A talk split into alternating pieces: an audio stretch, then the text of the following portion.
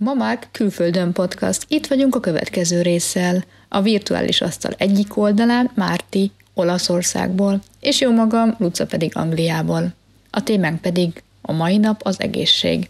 Arról fogunk beszélgetni ebben a részben, hogy mit jelent nekünk az egészségünk, mit teszünk érte, és hogy milyen hatással van ez a gyermekeinkre.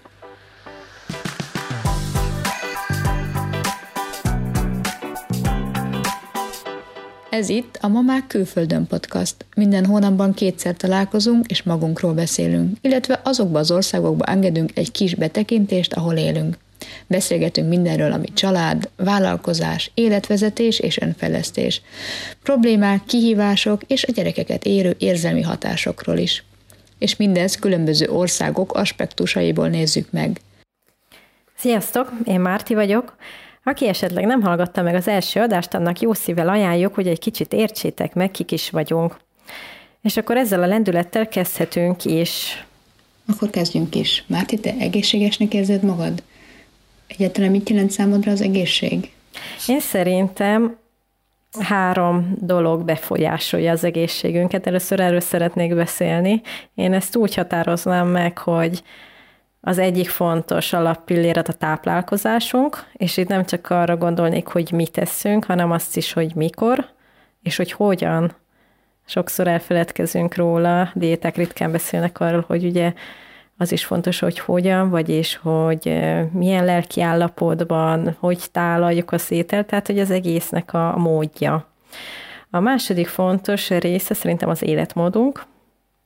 Szerintem ebbe tartozik a, a mozgás, friss levegő, napfény, mennyit vagyunk szabad levegőn, mennyit ér minket a napfény, mennyit, hogyan alszunk, és, és aki, aki, hát, hogy meditáció, relaxációs gyakorlatok szól egy ilyenekkel is, mennyit foglalkozunk.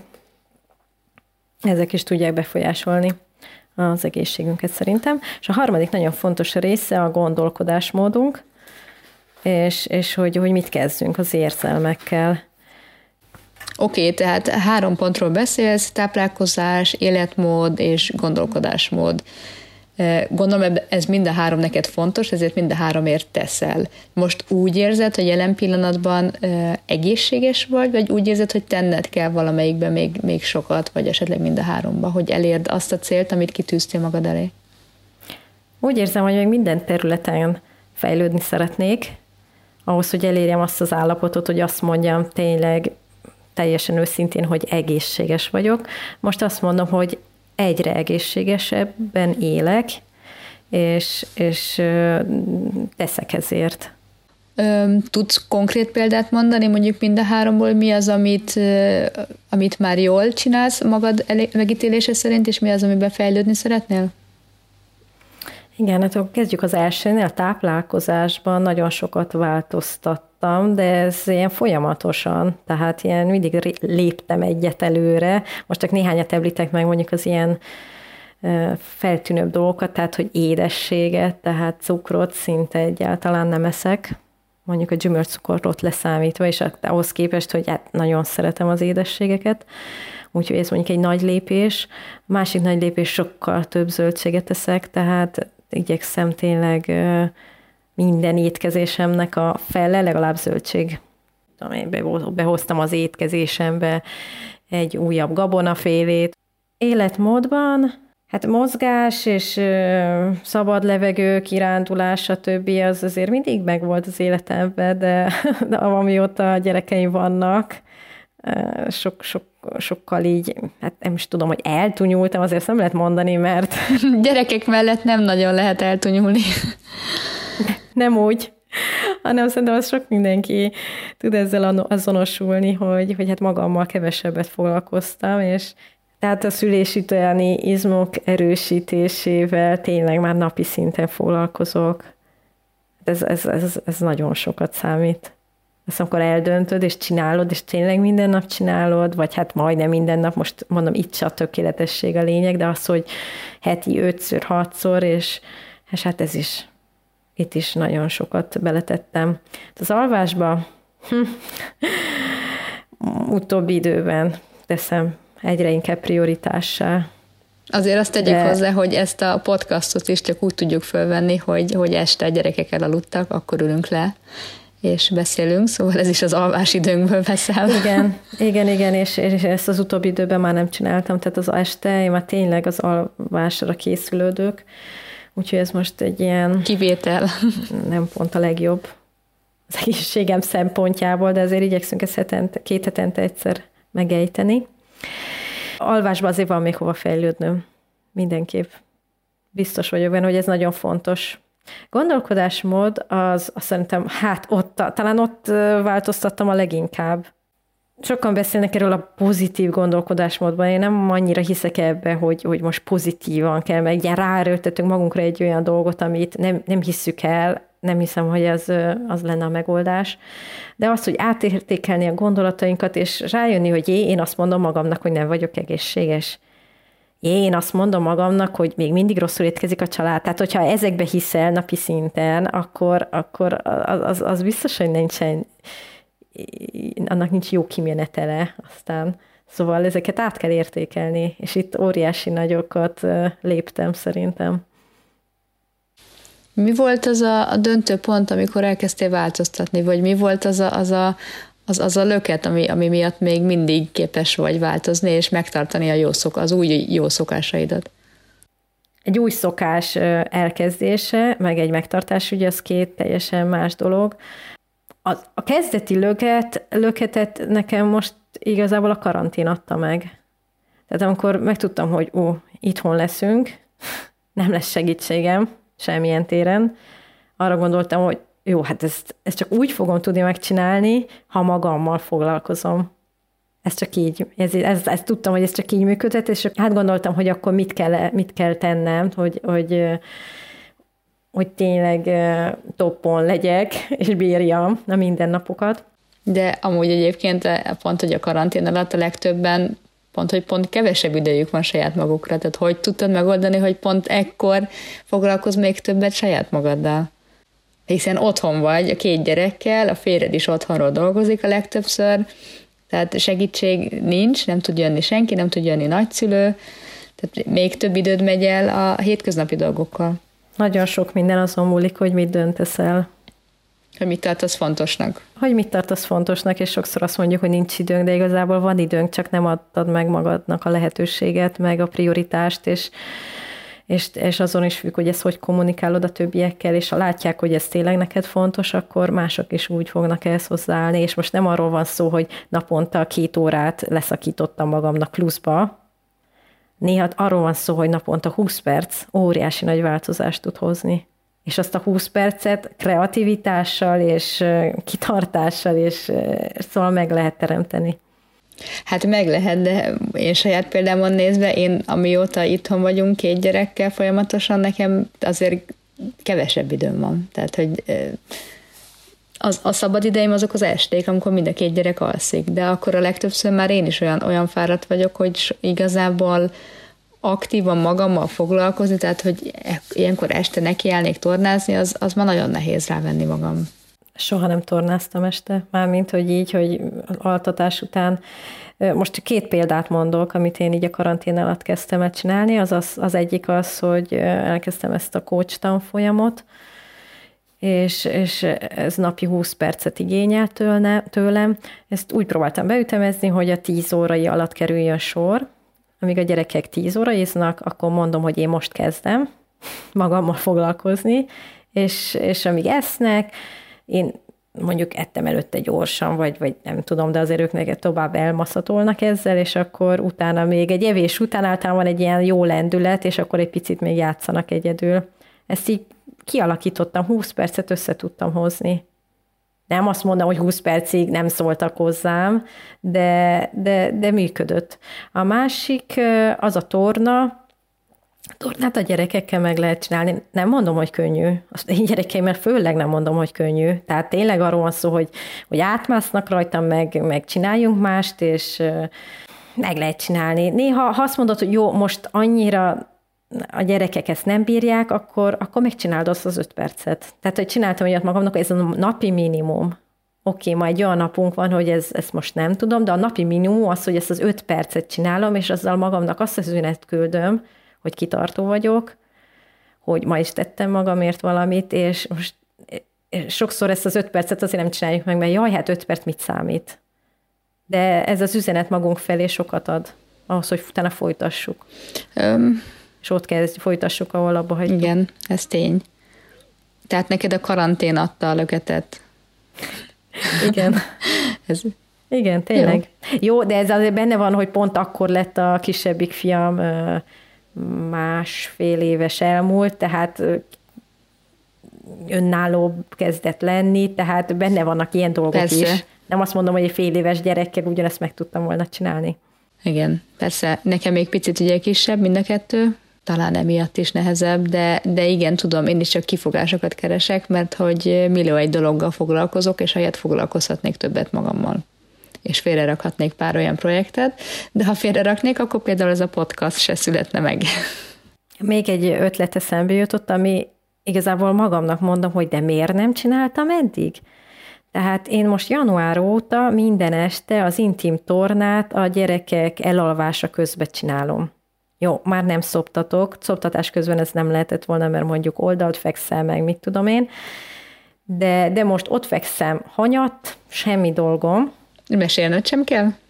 Hát a mese után, tehát amikor már leoltottuk a lámpát, és már csak arról van szó, hogy elalszanak, az pont meg tudom csinálni ezt a 10 perces intim tornát, és minden este, ez minden este van. Ezt azóta csinálom, és, és nem is akarom abba hagyni. Jó, ez jó. Luca, és te hogy állsz az egészségedhez? Te, te mit gondolsz, mennyire vagy egészséges?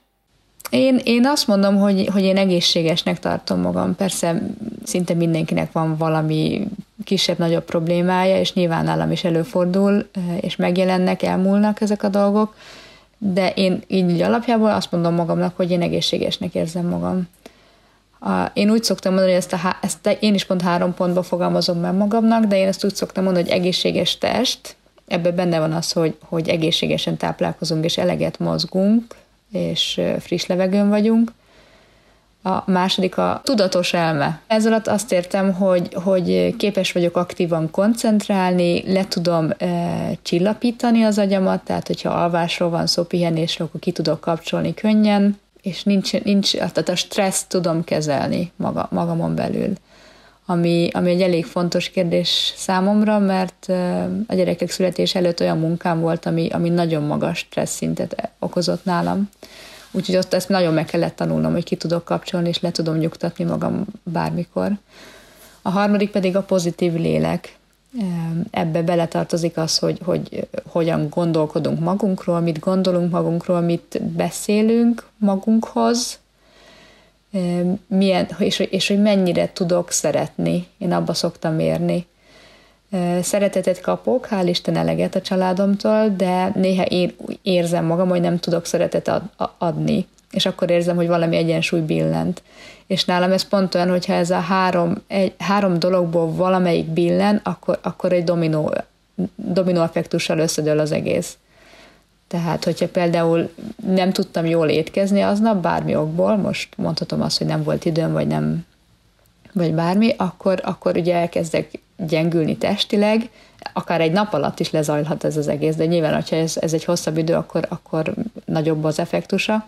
De egy nap alatt, hogyha érzem, hogy, hogy keveset reggeliztem, rosszat reggeliztem, elfogy az energiám, nem tudok olyan kedvesen odaszólni a, a másikhoz, akkor, akkor más visszajelzést is kapok, akkor az agyam elkezd működni, vagyis egy rossz irányba működni, hogy miket gondolok, nem tudom magamat nem tudom magamat lecsillapítani, és nem tudok az adott helyzetbe ott lenni.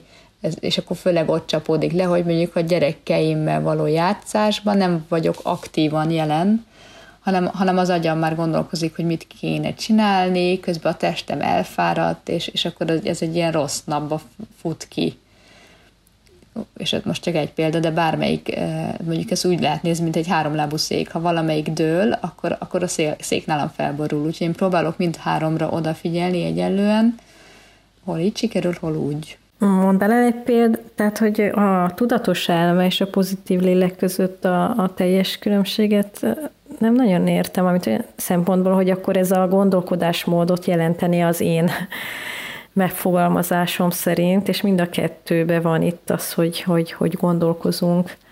Ne, szerintem ne, neked az életmód és a gondolkodásmódnak a keveréke van nekem ez a tudatos elme és pozitív lélek, mert neked az életmódba számít bele az, hogy hogy alszol, azt az alvás minőségén nézed, hogy, hogy az hogy hat a testedre, én meg, én meg azt nézem, hogy az elmém, elmémet mennyire tudom lecsillapítani, és az, az hat a testemre, és abból derül ki, hogy mennyire alszom jól. Lényegében szerintem ugyanarról beszélünk, csak más megfogalmaz. Más, igen, más igen, megfogalmazás. Oké, okay. rendben. És, és egyébként szerintem most itt mondjuk egy kis diszklémert, hogy esetleg megemlítünk diétákat, meg betegségeket, de mi nem vagyunk se orvosok, se dietetikusok, úgyhogy ezek mi csak a saját személyes véleményeink, úgyhogy senki se kövessen minket, senki ne csinálja azt, amit mi csinálunk. Vakon senki ne csinálja azt, igen, amit igen. mi mondunk. Ha bárkinek bármilyen problémája van, akkor keressen fel vele szakember. Szerinted egyébként az, hogy mennyire vagyunk egészségesek, az az mondjuk, ha testünk egészségéről beszélünk, akkor mennyi az, amit hozhatunk genetikával, mennyi az, amit szokásokkal hozunk otthonról, és mennyit ad hozzá egy ország kultúrája, ahol élünk. Én azt gondolom, hogy minden három belejátszik nyilván. Egy adott gént állományt nem tudsz megváltoztatni, tehát azzal meg kell tanulni együtt élni a szokások, azokat hozzuk, és azok nagyon be tudnak idegződni, például gyerekneveléssel kapcsolatban is, de, de millió egy példát látunk rá, hogy ezeket a szokásokat meg lehet változtatni, első lépésként tudatosan fel kell ismerni, és lehet rá, rá taktikát kitalálni és megváltoztatni. Az adott ország kultúráját pedig mondjuk valamennyire ki tudjuk kerülni, de azért, azért az jelen van.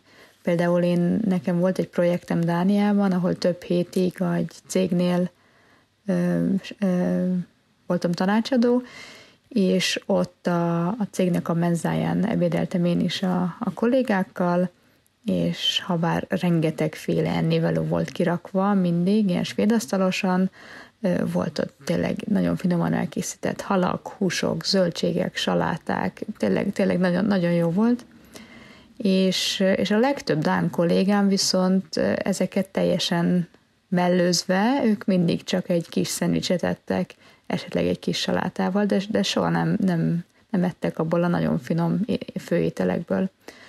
És megkérdeztem, hogy, hogy mi ennek az oka, és, és azt mondták, hogy azért, mert náluk az a szokás, hogy vacsorára esznek nagyot, amikor az egész család otthon van, és ők tudják magukról, hogyha vacsorára is sokat esznek, meg ebédre is sokat ennének, akkor, akkor az már túl sok lenne.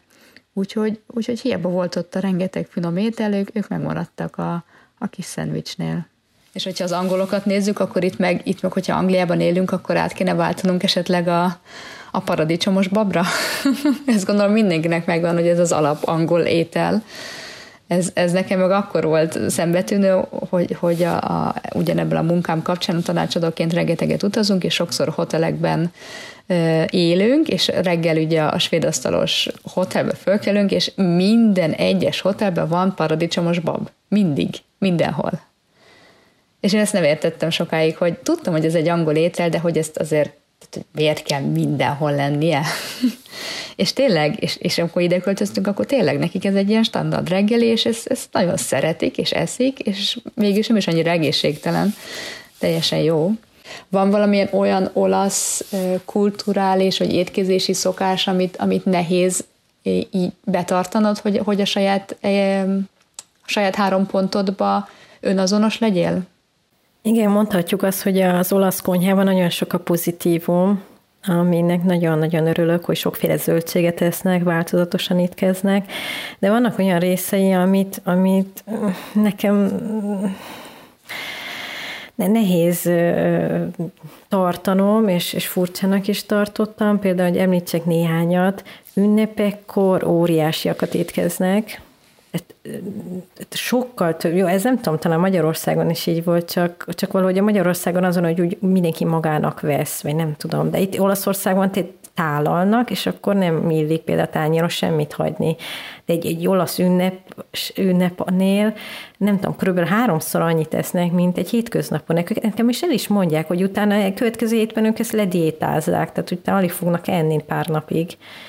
És, és én nem tudom mi, miért jó ez annyira, de ugye a jó rész az, hogy tényleg megadják a módját az étkezéseknek. Egyébként hétköznapokon is ez, ez tök jó dolog. Mindig asztalhoz ülnek, megterítenek.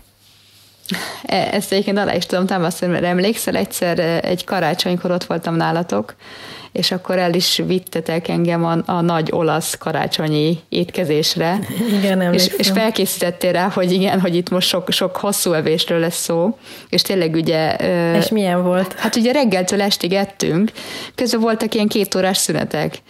De és szerintem azért érdekes ez a társasági esemény, mert hogy ott, ott tényleg az van, hogy ott a konyhá, konyhában zajlik az élet. Tehát főleg a nők ott összegyűlnek, és, és rengeteg mindent átbeszélnek, és közben készítik a következő fogást, és jön a következő, és jön a következő, és így tényleg reggeltől estig ettünk, és, és mondjuk tényleg ez, a, ez, egy, ez egy titok, amit utána nem biztos, hogy sokan tudnak, hogy, hogy a legtöbben utána akkor nem esznek pár napig. Ez nincs annyira nagy dobra verve ha, ha csak oda látogatóba megyünk, akkor csak azt látjuk, hogy esznek, esznek, esznek, esznek. Hát pontosan. és nem híznak. Igen, de ne képzeljétek azt, hogy így esznek, hogy minden nap így étkeznek. Nem. Tehát például te, náluk teljesen normális, hogy, hogy a férfiak akár ebédre egy nagy salátát esznek. Ez nem meghökkentő, nem mondanak rájuk sem, hogy úristen, csak saláta, hanem persze, hát szóval én, én arra jöttem rá, hogy, hogy nagyon nehéz úgy tudatosan tartanod a saját étkezési szokásaidat, hogy mondjuk ne sértséd meg a, a ki meghívott téged, a vendéglátót. És hogy küszöbölöd ki? Tehát akkor azt mondod, hogy köszönöm szépen, ebből nem kérek? Főleg egy, egy olasz kultúrában, ahol kvázi az sértésnek számít, ha nem, nem eszed meg, ami a tányéron van, ha, ha jól értem.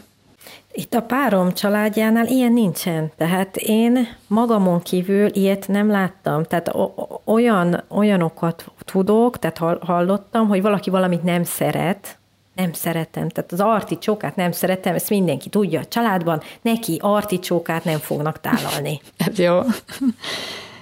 Okay. De olyat, hogy én most nem akarok annyi húst tenni, vagy én most már jól laktam, vagy én édességet nem akarok enni, ez, ez hát én, én szoktam csinálni egyedül a családban. És hogy fogadják? És, hát úgy fogadják, hogy de Márté, neked nem kell diétáznod, hát olyan vékony vagy így is.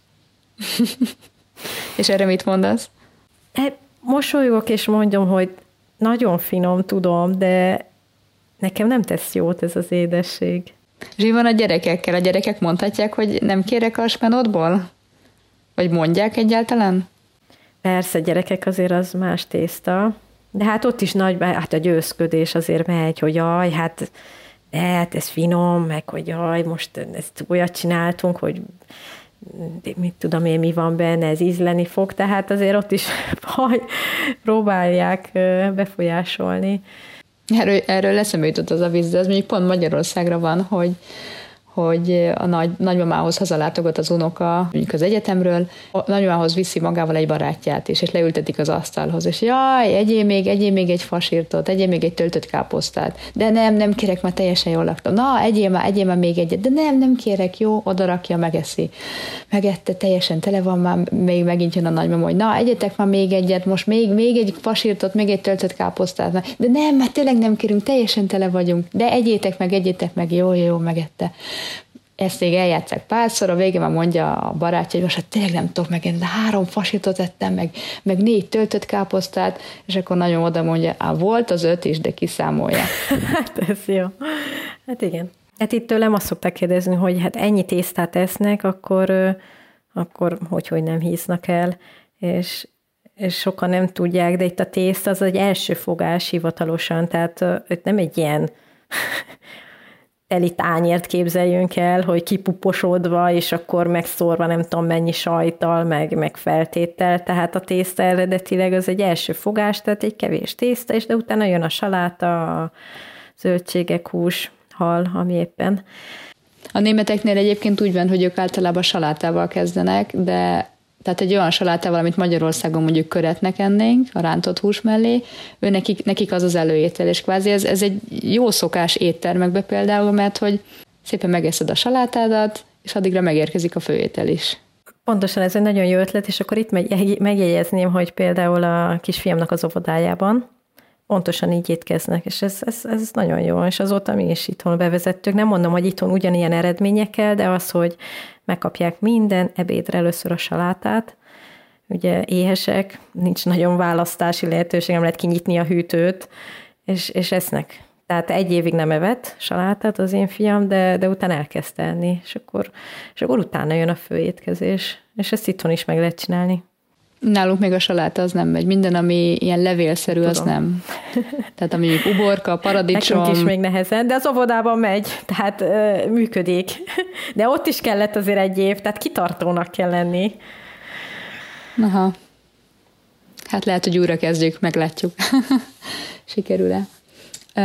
Arról szeretném még beszélni, hogy, hogy nézzük meg a három országból a, az orvosi hozzáállás, az egészségügyi rendszernek a hozzáállását. Lehet, hogy kezdeném a némettel, hogy nekünk az érdekes volt, hogy Magyarországon, amikor először kiköltöztünk, elkezdtünk dolgozni, és az első ilyen megfázás, amikor egy kicsit már nagyobb nagyobb lázunk is volt, akkor ugye otthon maradnánk, és akkor kérjünk orvosi igazolást, el kell menni az orvoshoz. És a, az első dolog az az volt, hogy megkérdezte az orvos, hogy miért jöttünk, hogy egy kis megfázással. Mondtuk, hogy hát igen, kéne a papír. Mondta, hogy hát három napig otthon maradhatsz mindenféle papír nélkül. Tehát azt mondta, hogy betelefonálsz az irodába, beteg vagyok, és a három napon túl kell orvoshoz elmenned, hogy hát valami komolyabb baj van. Ez és, annyira jó. És ez nagyon jó, mert hogy pont amikor kicsit meg vagy fázva, a legjobb, hogy otthon maradsz, és semmit nem csinálsz, és nem az, hogy elmész az orvoshoz, és ott vársz. És ezzel nem élnek vissza. Tehát egy, nem arról van szó, hogy akkor két-három havonta mindenki beteg három napig. akkor kérdezte, hogy akarunk-e valami gyógyszert. Mondtuk, hogy hát mi nem annyira szoktunk gyógyszert bevenni megfázásra. Mondta, hogy jó, jó, mert hogy nekik is ez a hozzáállásuk, hogy igazából semmi, de hogyha nagyon akarnánk, akkor föl tud írni homopátiás gyógyszert. És ez a házi orvos volt, és semmi, semmi extra. Szóval ehhez képest az angol megoldás egy picit más. Ugyan itt is itthon maradhatsz, és nem kell rögtön orvoshoz menned, de nagyon gyakran orvosságot felírnak, hogyha kérnek, és be is veszik. És nem csak, nem csak a, a felnőttek veszik be, hanem a gyerekeknek is rögtön beadják a paracetamol tartalmú orvosságot. Itt kárpulnak hívják, és ez, ez így, így, így az óvodába, ahol jár a kisfiam, most a, a Covid alatt, minden reggel el kellett mondanunk, hogy nem, mi nem adtunk ma neki kárpult. Ezt nem is értettem a kérdést, hogy, hogy, hogy, hogy miért kell ezt minden reggel megkérdezni, miért adnék? Hozzáteszem, a mi gyerekeim még életükben nem kaptak lászcsillapítót, nem volt rá szükség. De itt ez az, az alap, hogy egy picit folyik az orra, nem baj, adunk neki biztos, ami biztos. És ezt nem, nem csak a szülők találják ki, hanem például, amikor a kötelező oltásokra mentünk, akkor nem az, hogy utólag, hogyha fölment a láza, adj be neki, paracetamolt, hanem konkrétan azt kérték, hogy már úgy jöjjünk az oltásra, hogy egy adag paracetamol már benne van a gyerekben, és ahogy megkapta az oltás, rögtön egy órán belül kapja meg a következő adagot. Tudom, milyen az olasz? Hát ez durva, azért itt nincs, nincs ez. Itt, itt a nátával abszolút nem foglalkoznak. Érdekes, a magyar barátnőimmel szoktam beszélgetni, hogy hát ezért sokan viszik a gyerekeiket náthával, köhögés, folyik, de úgy tett, hogy nagyon folyik az óra, és akkor gyerekorvos minden alkalommal, vagy hát legalább telefonon, de azért inkább bevinni, megmutatni. Itt abszolút nem. Tehát én a gyerekorvost alig láttam. Jó, mondjuk a szerencsénk van, mert nem nagyon betegek, de, de nátha, akármilyen nátha, tehát akármilyen valami jön ki az orrából, az nátha, és köhögés, ha csak nem mondjuk valami nagyon durván, nagyon elhúzódó, ezek semmi, tehát Szóval, hogy fel is hívtam még kezdetben a gyerekkoros, hát és akkor mindig mondta, hogy ő, nem, hát mit, mit nem kezdett csinálni semmit. Tehát, hogy tényleg, tehát ezek múló dolgok, és nincsen túlspirázva. Úgyhogy nekem egyébként innen nézve Magyarországon túlagódás van, de nem csak az ilyen, ilyen múló betegségekkel kapcsolatban, hanem, hanem a kisgyerekkori fejlesztés, az nagyon dübörög Magyarországon, itt meg nagyon nem. Tehát így a két végpont talán, nem azt mondom, hogy nem kell egyáltalán ezzel foglalkozni, de, de itt szerintem a szülők sokkal ilyen lazábbak, tehát hogy nem mászik a gyerek, tehát ez, ez ez nem is probléma. Most én nem akarok belemenni, hogy probléma vagy nem probléma, de azt, az a hatás a szülőkre, hogy nem aggódnak a gyerekükért, mert rendben van, meg hogy úgyis, úgyis minden rendben lesz, és, és ez azért ez egy, ez egy ilyen pozitív lelkiállapotot ad nekik így az egész családnak. Nem tudom, te hogy látod, Utca? Nekünk volt olyan mozgásfejlődési probléma az egyik gyerekünknél, amit, amit végül is hát három országban látott orvos, és az, a német hozzáállás az az, hogy hát nézzük meg egy év múlva, mi fejlődik, mi változik addig. Az angol hozzáállás az, hogy milyen probléma, nincs is probléma, nem tudom, miről beszélünk. A magyar hozzáállás pedig az, hogy azonnal vigyük el fejlesztésre, és, és most azonnal kezdjünk hozzá, mert különben baj lesz. Nagyon nehéz kiigazodni. Az egészségügyi rendszer Angliában olyan, hogy az államival így, hát úgy mondanám, hogy el lehet döcögni. Nem az ideális, de nagyon sok problémájuk van. Jobb, mint a magyar, mert a magyari állam azt nem is kell szerintem senkinek magyarázni, mert az kibírhatatlan. Ott a privát, Magyarországon a privát drága, Angliában viszont a privát megfizethetetlenül drága. És, és az, az a rossz benne, hogy még hogyha priváthoz is mész, nem tudod kikerülni a házi orvosodat. Tehát minden a házi orvossal kezdődik. Tehát legelőször, a bármi bajod van, ha, ha várandós vagy, akkor is a házi orvossal kell az első időpontodat megcsinálnod. Tehát nagyon nem tudod kikerülni. Utána, hogyha komolyabb bajod van, akkor, akkor el tudsz menni egy privát intézménybe, és, és ott hagyod a, a félházad a, a, a kezelésre. Ehhez képest a Németországban ott, ott az állami az nagyon jól működik, tehát igazából nincs szükség privát orvosra, privát biztosításra. A privát biztosítás megfizethető egyébként, és azzal annyit nyersz, hogy, hogy ugyanaz az orvoshoz mész, csak nem kell sorban állnod. Tehát ott, ott idő, az időpontod az tényleg 3 óra 0-0, akkor és egy héten belül kapsz időpontot bárhova, az államival meg hát háromra mész, de lehet, hogy ötkor végzel, és lehet, hogy csak egy hónap múlva kapsz időpontot. Milyen az olasz? E, először kérdezni akarok, mert két dolog így nagyon érdekelne, hogy ez hogy van Angliában vagy Németországban. Az egyik az, hogyha az állami rendszerbe mész, akkor is fizetsz, ez az egyik kérdésem, mert nekem, megmondom, hogy nekem itt furcsa volt, hogy Olaszországban állami rendszerbe belül mész, akkor is fizetsz házi orvoson kívül mindenhol, tehát akármilyen vérvételre mész, szakrendelésre fizetsz, csak mondjuk nem a száz százalékot, tehát mondjuk ha privátban ki kell fizetni mindent. Uh-huh. Itt a, a, az állami, akkor mondjuk a felét állja az állam. Aha. Nem, Németországban mindent fizet, a, tehát az állami egészségügyben mind, teljesen biztosítva vagy. Nem tudom, komolyabb baleseteknél a, a gyógyszerkezelés az milyen szintig van támogatva, de, de bizonyos esetekben a gyógyszerek is teljesen támogatva vannak. A, még a fogorvos is a fogorvos is ingyenes, a kontrollok is, a tömések is, a gyökérkezelés az már nem, és a fogkőleszedés már nem, de amúgy egyébként minden, minden, és, és Hát Igen, tehát, tehát, meg, meg minden pénzbe kerül igazából, nekem ez elég furcsa volt.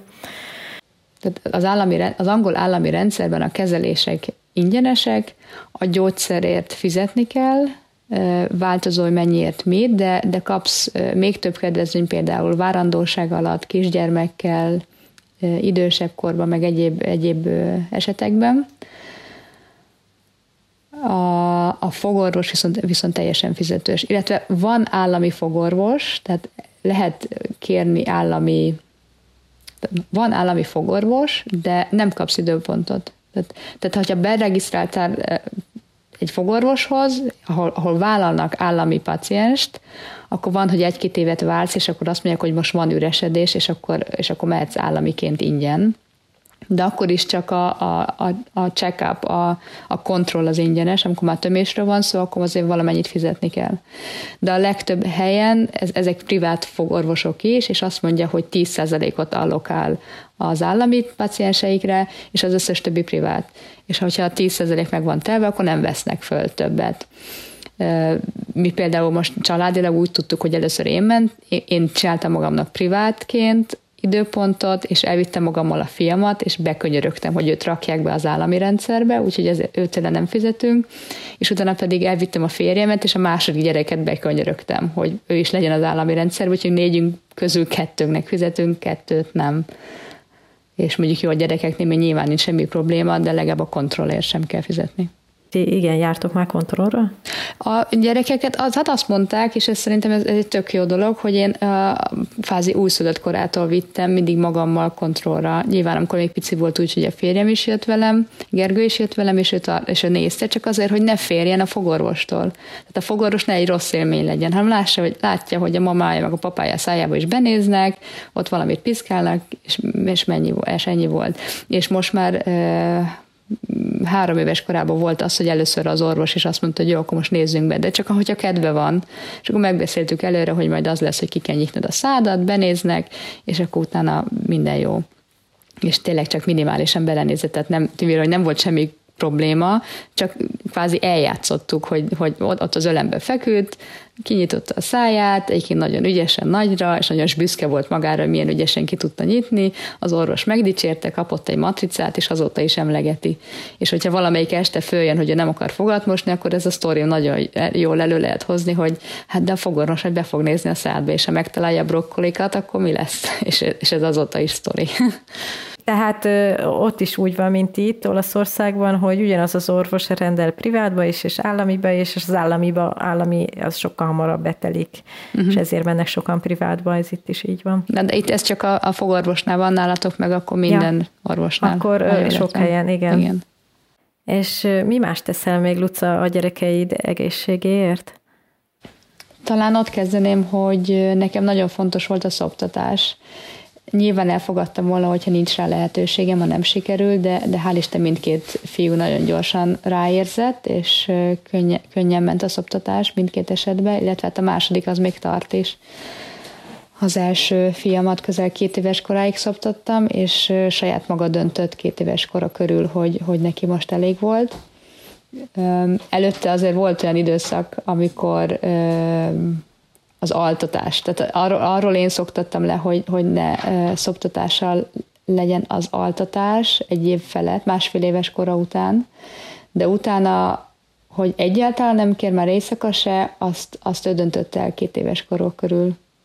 Az érdekes is volt egyébként, mert hogy pont egy hosszú utazásra készültünk, San Franciscóba repültünk a férjem hugát meglátogatni, és előtte pár nappal nem kért már egyáltalán éjszakai ébredésnél is nem kért, tehát mindent csinál, de, de, de nem fogadta el. Nem fogadta el az anyatejet, és, és én meg mondom, hogy ú, de hát ez pont, pont egy ilyen hosszú repülőút alatt, hát úgy a legegyszerűbb elaltatni egy, egy repülőn ráadásra, tehát nem tudok sétálgatni vele, meg ringatni, meg altatni, de mondom, jó, hát ha nem kéri, akkor, akkor elfogadom, és, és tényleg előtte két napig nem kért, de a repülőn megint, meg főleg utána, amikor megérkeztünk, és ugye hát a, a, az óra, hát nem az óra átállás, hanem az, az idő eltolódás miatt, ugye teljesen máskor kellett altatni, mint egyébként, tehát nehéz volt, és tényleg az éjszaka közepén felébredt, hogy akkor most reggel van, mert ugye az akkor reggel lett volna, és ak- akkor, akkor megint elfogadta, de ott megint leszokott. Tehát tíz napig voltunk ott, és a tizedik nap, tehát a nyolcadik nap körül azt mondta megint, hogy nem kér.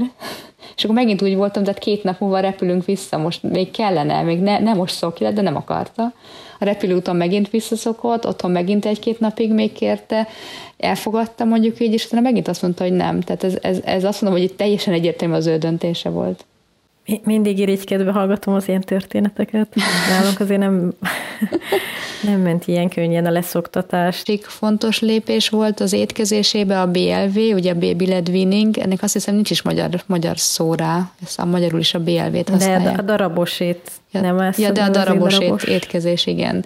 Tehát, hogy, hogy, hogy nem, tehát illetve kap, a kappürés étel, de olyat, amit mi is eszünk, például tök krémleves, azt eszi ő is, meg mi is, az, az püré, de ugyanúgy, ha krumplipürét eszünk, azt eszik ő is, de, de hogy igazából nekünk ez az abból volt fontos, hogy ő dönti el, hogy mikor és mit kér. Nyilván azok közül, amit fölkínálunk, de hogyha ott van az asztalon, és amit a család eszik, abból ehet. És nyilván próbálok olyat tenni az asztalra, amiből ő is ehet, és és nagyon szívesen, nagy, nagyon, nagyon élvezettel választ ki magának mindig, hogy pont mit akar enni, és, és nagyon jó volt nézni. Az első fiamnál is egyébként ezt, ezt próbáltam, de nála még nem annyira sikerült, és sokkal jobban ment el a pürés irányba, azt, azt kedvelte, hogyha etet, etetjük mi. A második fiam, ő viszont, ő viszont abszolút nem fogadja el, ha etetjük. Tehát ő saját magának kanalaz, sőt már villázik is, és szedi a kis kukoricaszemeket, és, és mindent ő magának akar. De én azt gondolom, hogy ez jó, mert hogy nekem az, az fontos, hogy egy, egy egészséges hozzáállásuk legyen az étkezéshez. És tudják, hogy mit szeretnek, mi miért jó, és nyilván küzdünk, most a nagyobbik fiammal elég válogatós korszakában van, és és olyan ételeknél is, ami, ami alapjában a gyerekek szeretik, például lazanya, a legviccesebb, hogy, hogy minden alkalommal más részét szereti a lazanyának. Valamikor azt mondja, hogy ő csak a húst kéri belőle, valamikor csak a piros szószt, valamikor csak a tésztát, és valamikor szereti az egészet, és ez hetenként változik. Ilyenkor szétszeded az ételt, hogy azt kapja meg, amit kér? Sose szedem szét teljesen, hogy azért picit egyen mindent, hogy ne csak tészta maradjon, de tehát elfogadom, mondom neki, hogy oké, okay, kicsit lekotrom róla a, a hús részét, tehát hogy valami, tehát nem egybe odarakom neki a lazanyét, de hogy, de hogy minden része ott van, csak a tányér egyik részén van ez, a másik részén az picit szétszedve, de nyilván amikor eszi, akkor alapjövőben mindent teszik, csak nagyobb részbe eszi olyankor a tésztát, olyankor meg a húst, amikor azt, azt szeretné enni. És akkor nyilván vannak, vannak szabályok, amiket, amiket betartunk, hogy nem eszünk össze-vissza. Snack, a snack az, az 10 órai meg uzsonnakor van, amiben nagy része egyébként gyümölcs, de, de előfordulnak kekszek, meg, meg házisüték, és, és hogy abszolút nem tartunk itthon olyan élelmiszert, amire azt mondjuk, hogy ez, ez a gyerekeknek rossz lenne. Tehát, hogy igazából mi sem eszünk olyat, amit, amit nem akarnánk, hogy a gyerekünk egyen, és mi is törekszünk egy olyan egészséges életmódot kialakítani saját magunkra, amit, amit nagyon szívesen átadunk a gyerekeknek, mert úgy érezzük, hogy ez lesz nekik, nekik is jó. Nálatok hogy van ez, Márti? Szerintem sok minden hasonlóan csináljuk mi is. Az nagyon jó gondolat szerintem, hogy tényleg itthon nem tartunk olyan dolgokat, tehát én ezt teljesen nulláról leredukultam így idő. Tehát amikor kicsik, akkor még el tudsz dugni egy kekszet, mert előkapod, amikor ma, amikor nem tudom, vendégek jönnek, vagy, vagy nagyon az kellene de, de amióta már így nagyobbak, és tudják, hol vannak ez a dolgok, dolgok, én nem is tartok itthon, tehát nincs itthon keksz, nincs itthon gyümölcsös joghurt, nincs semmi olyan, amit, amit így nem örülnék, ha csak úgy bekapnának valamikor. És mit csinálsz? Mondjuk az ünnepekkor kapott csokikkal, meg gondolom azért az Igen, ott is van. Én szerintem az, tehát a, a csoki, meg ezek maradjon meg ünnepekkor, ünnepekre, és ha mondjuk jönnek vendégek, akkor direkt arra az alkalomra veszek.